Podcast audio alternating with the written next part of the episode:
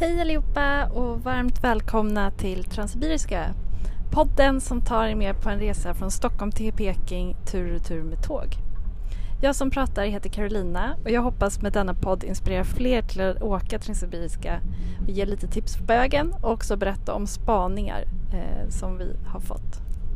I dagens avsnitt är det ett mer hands-on avsnitt eh, och jag pratar om hur vi tänkte kring resrutten, hur vi valde eh, mellan att ha ett resebolag eh, eller att boka själv, när det är en bra tid på året att resa på Transsibiriska och om vi hade rest kortare eller längre tid, vad hade vi förändrat med vår rutt? Jag avslutar också med en kort spaning om tåg.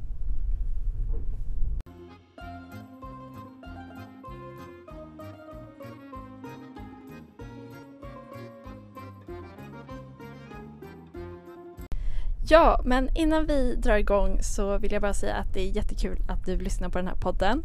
Eh, om det här är ditt första avsnitt så har du väldigt många fler avsnitt att eh, lyssna vidare på sen som är mycket mer detaljerade kring olika delar av resan. Jag kommer också göra ett annat avsnitt som är lite mer hands-on som handlar om packning. Så det kan jag också tipsa om. Om du känner att du är en gammal räv här i podden och har lyssnat en del eh, så glöm inte att gå in på Apple och ratea podden så har fler en möjlighet att hitta den. Tack så mycket!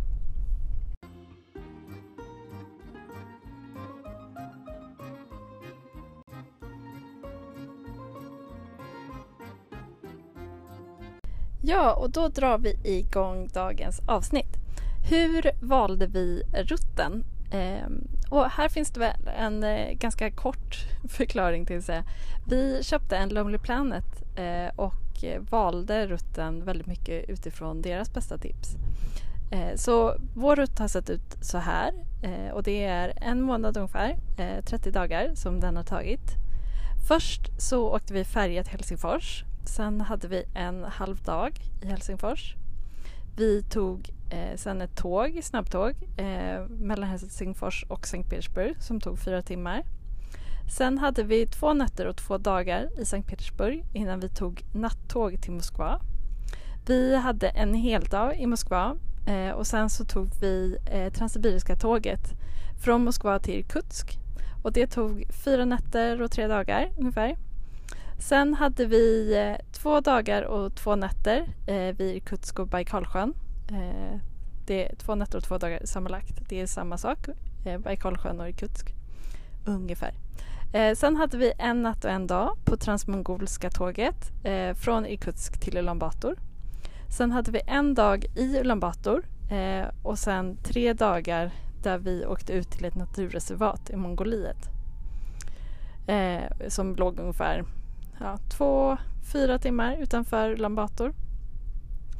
Från Ulan Bator så tog vi Transmongoliska igen i en och en halv dag och en natt till Peking. Och sen hade vi sju dagar i Peking eh, och sex nätter. Sen efter det eh, så hoppade vi på tåget eh, tillbaka och då tog vi Transmanchuriska. Eh, och det tar sex nätter och fem och en halv dag ungefär.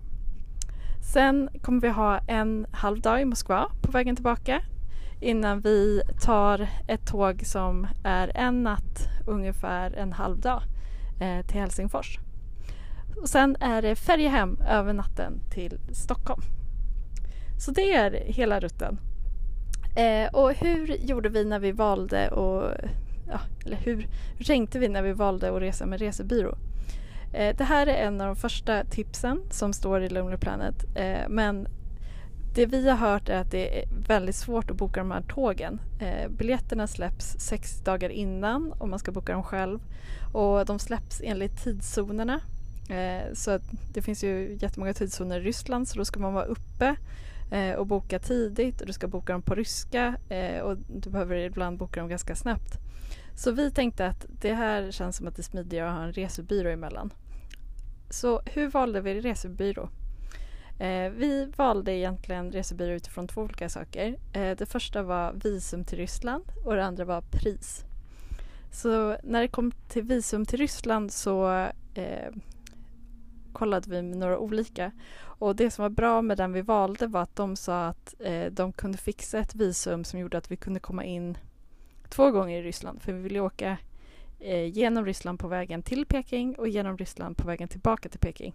Så en double entry-visa. Och eh, den resebyrån som vi tog, Östresor heter de, eh, de sa att det var möjligt eh, medan den andra resebyrån i, i Sverige sa att det inte var det. Eh, och Östresor fixade också en bekräftelse på att det här skulle vara möjligt med visumet eh, via en kontaktperson som de hade på ambassaden. Så det kändes bra. Det andra vi kollade på var såklart pris. Eh, och här så skickade vi ett önskemål på hur vi ville åka.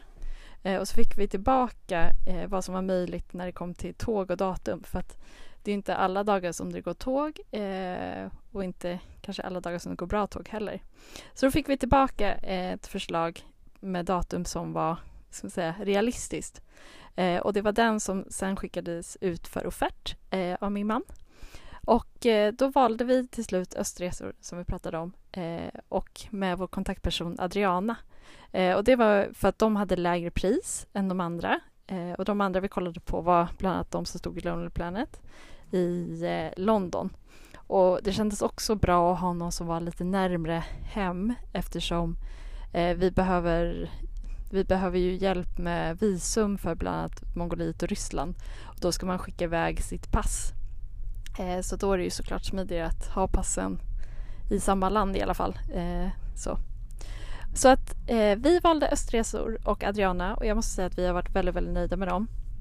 Eh, de har hjälpt oss att boka alla tåg, de har hjälpt oss med hotell eh, och med visum. Eh, så ja, väldigt, kan absolut rekommendera dem. Vi har också fått en jättefin reseplanerings, ett jättefint reseplaneringsdokument med all info och biljetterna har kommit längs med vägen via olika kontaktpersoner och det har funkat väldigt bra. Så det är eh, ett tips från oss att om ni väljer att boka med resebyrå så kan vi absolut tipsa om Östresor eh, som är en av dem som är bra på att boka i Sverige.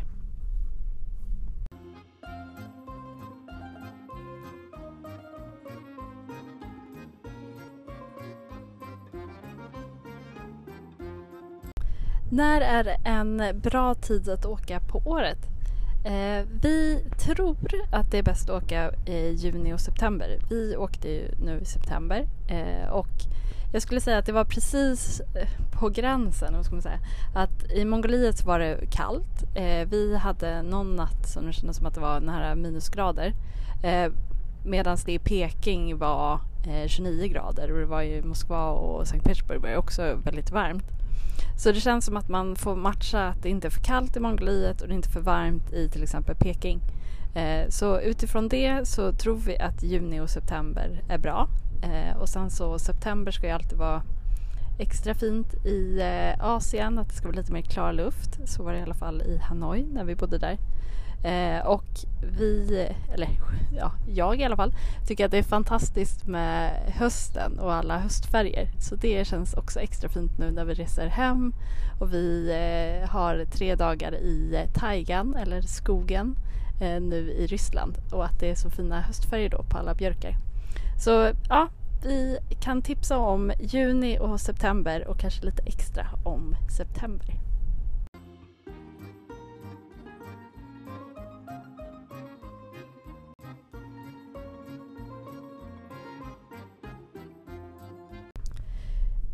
Lite andra tankar angående rutten. Eh, hur, hur valde vi att åka fram och tillbaka med tåg och varför Transsibiriska och sådär. Och det här pratade jag också lite kort om i, eh, jag tror andra avsnittet, eller ja, första riktiga avsnittet av den här podden. Eh, vi valde den här rutten för att vi inte ville flyga utan eh, tyckte att det verkade kul och spännande att åka tur och retur med Transsibiriska. Och varför Transsibiriska? Eh, därför att det känns som ett jättekul sätt att se mycket. Eh, liksom mysigt sätt att resa. Att besöka städer på vägen som vi inte hade jättebra koll på. Eh, och bara häftigt att komma så långt utan att flyga eh, och se en gradvis förändring av landskapet utanför. Eh, det är kul sätt att träffa folk ombord eh, i restaurangen eh, och det är också att det blir också på något sätt att man ser väldigt mycket natur eh, och städer från, från tåget. Så det blir både en bra blandning av naturstopp och stadsstopp på vägen. Jag eh, tycker också att det är kul med tåg för att det känns väldigt mindful, alltså väldigt lugnt. Eh, och sen så såg jag också fram emot Mongoliet lite extra. Eh, och rutten eh, dit versus hem eh, så tänkte vi att vi ville göra alla stopp på vägen dit jämfört med vägen hem. Då vill man oftast bara hem. Så det är så vi har lagt upp det. Eh, och vi ville se extra mycket Sankt Petersburg, Baikalsjön och Mongoliet eh, och Peking som var vår slutstation. Eh, där vi ville se muren. Så de bokade vi lite extra tid i. Och sen hade vi några andra städer som vi passerade eh, som vi ändå fick in eh, och det var Helsingfors och Moskva. Och Peking blev också lite längre än vad vi egentligen hade tänkt från start. Och sen eh, på vägen tillbaka så valde vi att ta en lite annan väg eh, för att det är kul att se olika saker från tåget. Så då tog vi Transmanchuriska eh, som går, så den går egentligen inte alls genom Mongoliet på vägen tillbaka utan den går bara via Kina och sen direkt in i Peking. Eh, nej, Kina och sen direkt in i eh, Ryssland. Om vi hade gjort resan kortare, vad hade vi kortat? Eh, jag tror att vi hade kanske kortat i så fall några dagar i Peking och att det är det som hade varit eh, görbart. Kanske att vi hade eh, kortat någon dag i eh, Irkutsk som vi pratade om där med vandringen. Att kunna korta ner det till en dag. Men eh, jag vet inte om det är möjligt med tågen och hur det hade matchat och sådär. Eh, om vi hade haft längre tid då, vad hade vi gjort? Om vi hade haft en vecka längre så tror jag att vi absolut hade eh, valt att vandra i Mongoliet och speciellt så har vi hört att västra Mongoliet ska vara jättefint. Man kan vandra där mellan olika stugor. Eh, sen också kanske någon dag i, nu får vi se om jag uttalar det här rätt, Jekaterinaburg. Oklart, men det är lite mer av en eh, historisk stad i eh, Sibirien. Så det hade också varit kul. Och en sista kommentar om tågen. Eh, vad är bra att veta?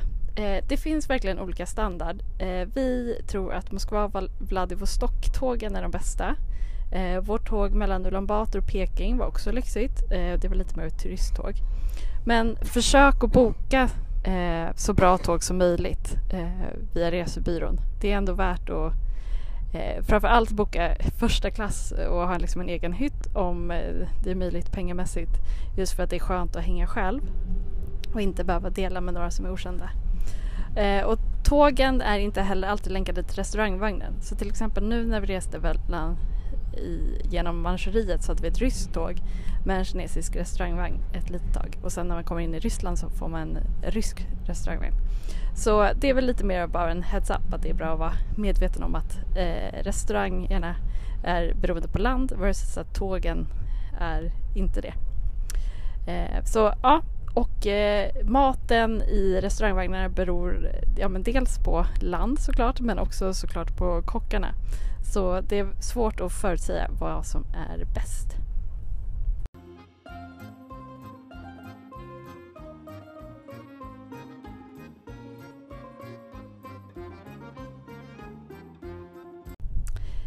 Ja, och det var dagens avsnitt om rutten och resbolag och annat som kan vara bra att tänka på när ni funderar på att boka Transsibiriska.